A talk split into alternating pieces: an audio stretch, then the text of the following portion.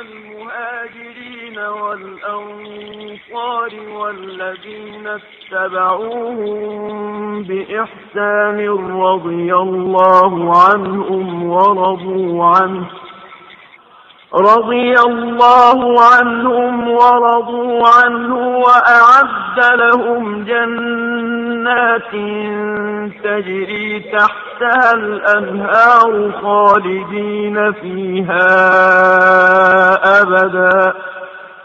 ذلك الفوز العظيم الله يزدولين فرغي مسلمان لما مخاجرين i ensarijama i svima onima koji ih slijede dobra djela čineći, a i oni su zadovoljni njime.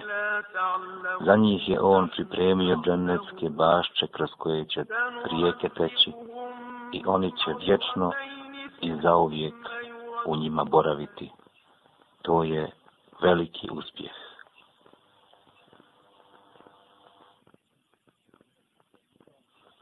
U predislamskom periodu Meka, kao i mnogi drugi trgovački centri, imala je posebne sajmove na kojima se kupovalo i prodavalo roblje. Malo je bilo porodica da nisu imali bar jednog ili dva roba, slugu ili sluškinju, koji su obavljali sve moguće poslove. Bogatije familije su imale i na desetine takvih robova, koji su prodavani kao svaka druga roba. Ako je rob zdrav, jak i mlad, sigurno je mnogo skuplji nego stari, isluženi i nesposobni rob. Robinja je zavisno od namjene, isto tako plaćana velikim novcem, ali ako je bila mlada, lijepa, vrijedna, a nekada pismena i učena. Roba je posjedovao gazda porodice, a obično i gazdarica. Djevojka koja bi imala roba ili robinju, kada bi se udavala, sa sobom bi nosila svoj metak, a tako bi povela i svoje robinje. Ona bi i nakon udaje jedina bila vlasnik tog roba i mogla je da ga proda, da ga da mužu, a i da ga oslobodi, kako bi postao sam svoj gazdar i domaćim.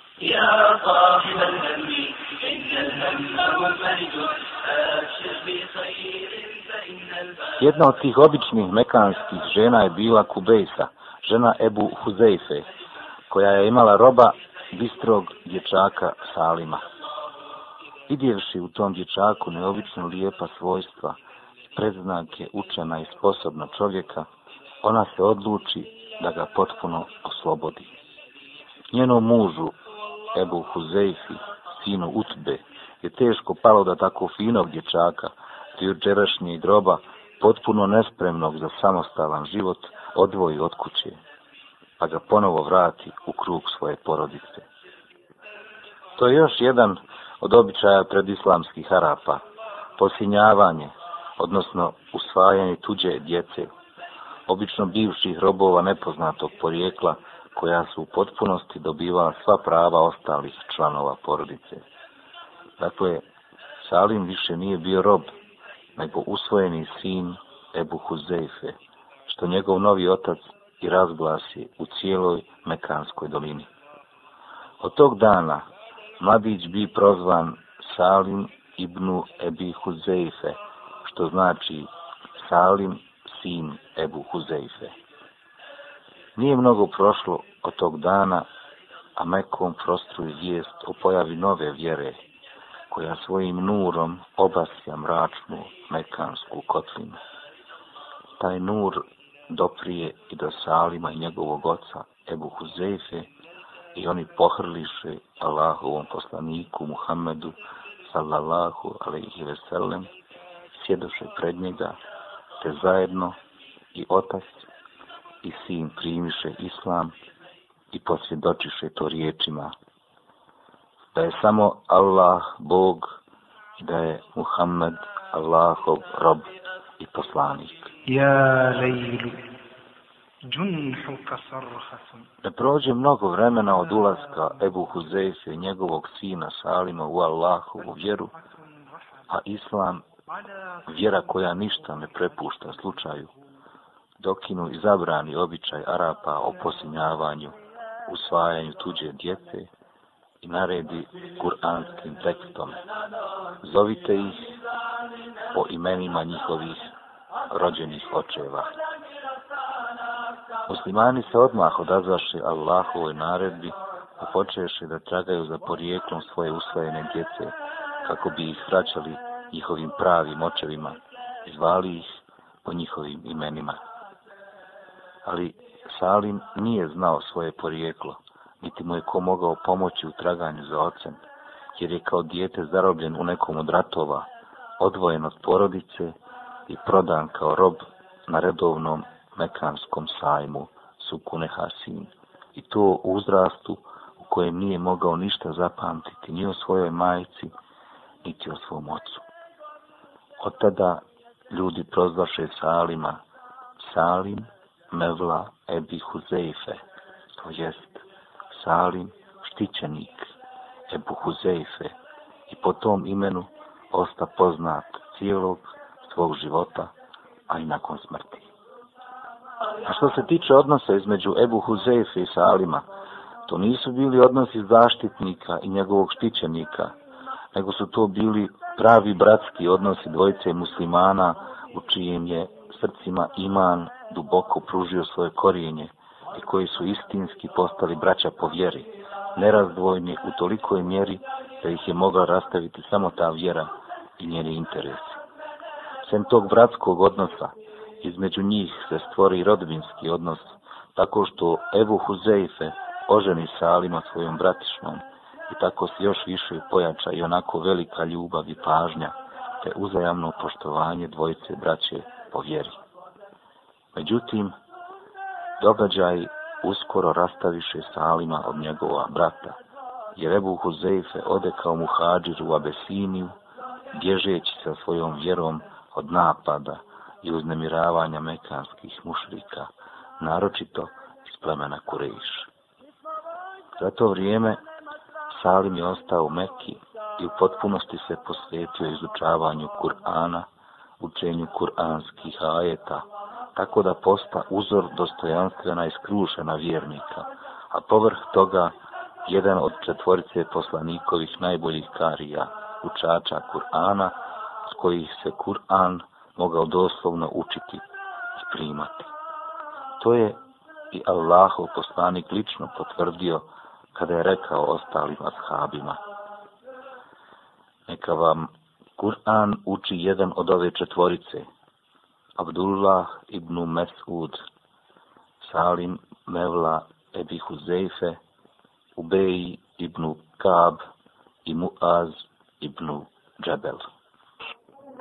Tako Salim posta poznat po svojoj učenosti, posebno u Hizidu, što su mu drugi ashabi sa poštovanjem i priznavali. Kada su muslimani vršili hidžu iz Mekke u Medinu, Salim je u Medini obavljao imamsku dužnost, sve dok nije stigao Allahu poslanik. Iako među muhađirima bijaše Omer ibn Hatab i drugi odabrani ashabi. Allah je htio da se u Medini nakon hijdre ponovo sastanu braća Ebu Fuzeife i njegov štićenik Salim. Od tada su stalno, jedan pored drugoga, bili u blizini Muhammeda, sallallahu alaihi ve sellem, od njega sticali nova znanja i uz njega se borili za svoju vjeru. Tako je bilo i u prvoj borbi, poznatoj kao bitka na Bedru, gdje su se borili protiv svojih i Allahovih neprijatelja, mušrika, idolopoklonika iz Mekke. S obzirom da su među mušricima bili mnogi rođaci muslimana, pred samu bitku dok su se protivničke strane ogledale i pripremale za napad, Salim uzviknu Ebu Huzeifi. Gledaj, Ebu Huzeife, ono je tvoj otac Utbe ibn Rebijah. Da, odgovori Ebu Huzeife, a ona druga dvojica su isto tako Allahovi neprijatelji. Moj Amidža Šejbe, i moj brat Velid. I ako mi Allahov poslanik dozvoli, sukobit ću se s njima i jednog po jednog svu trojicu na najbrži način ispratiti sa Dunjaluka u džehennem i pokazati im kako se bori pravi muslimanski borac Mujahid.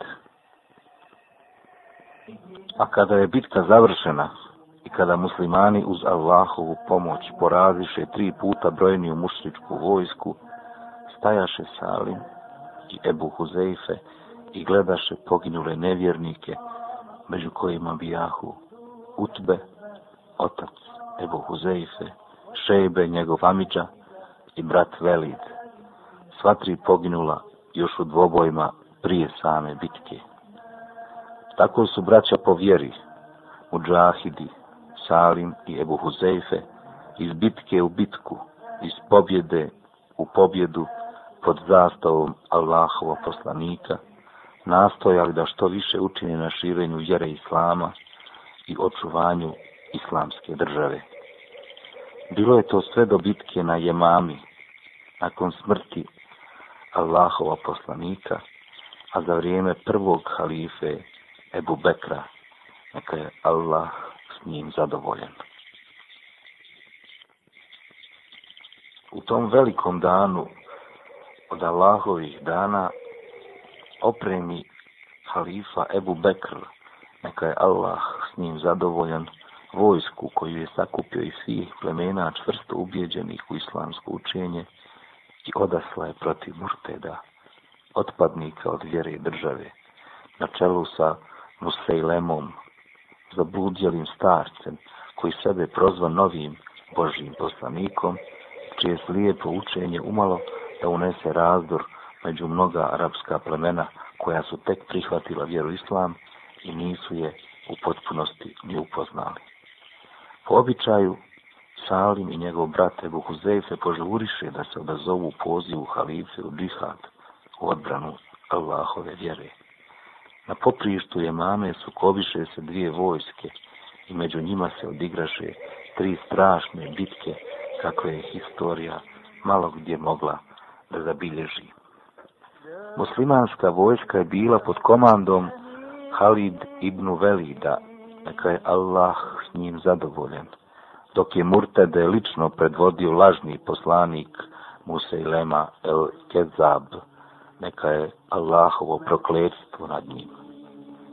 Oni koji su opisivali užas i strahotu te bitke, bili su nemoćni da to doslovno učine. Činjenica je da su murtedi u jednom momentu potisnuli muslimane i stigli čak do pozadine muslimanske vojske, gdje je bilo i dosta žena. Umalo su zarobili ženu vojskovođe Halid ibn Velida, neka je Allah s njim zadovoljeno da je nije zaštitio jedan od boraca. Redovi muslimana se usko vitlaše i trebalo je što prije nešto preduzimati.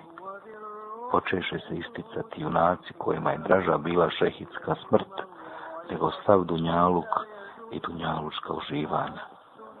Žrtvovali su svoje živote koje će i onako danas sutra proći za život koji će vječno u džennetu provoditi.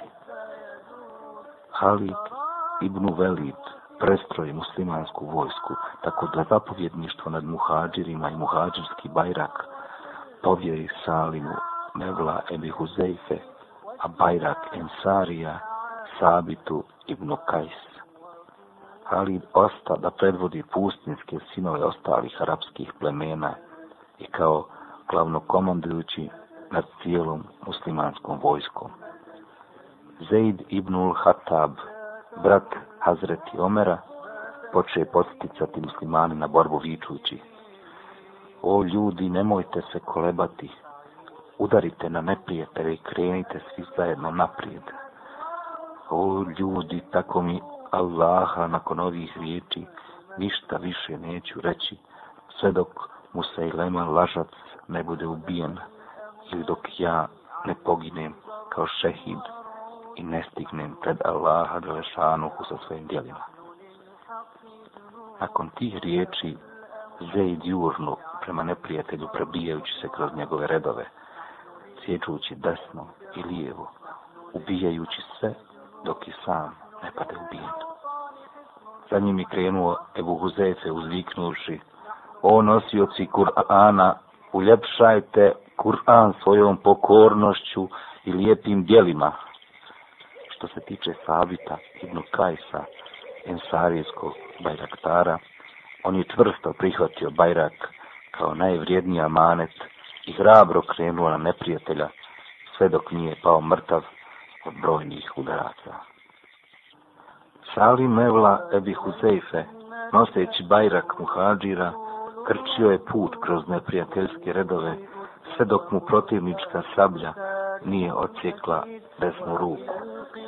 Tada je Bajrak zgrabio lijevom rukom i krenuo dalje, dok mu i ljevica nije bila otječena. Onda se Alim prigrli Bajrak uzase i ponese ga nad lakticama otječenih ruku iz kojih je uveliko tekla topla šehidska krv. Išao je naprijed, sve dok se nije srušio od velikog gubitka krvi i novih udaraca neprijatelja. A nakon što je bitka okončana i prašina po jemami se počela slijegati, došao je Halid ibn Velid i stao iznad smrtno ranjenog Salima, koji reče Šta su uradili muslimani, o Halide? Halid mu odgovori Allah im je propisao veliku pobjedu i uništio je neprijatelja muslimani. Kaže, Salim upita. A šta je uradio Ebu Huzeife? Poginuo je kao šehid, odgovori Halid. Prenesite me do njega, izgovori Salim teškom mukom svoju posljednju tunjalučku želju. On je već tu, uz tebe, reče mu Halid.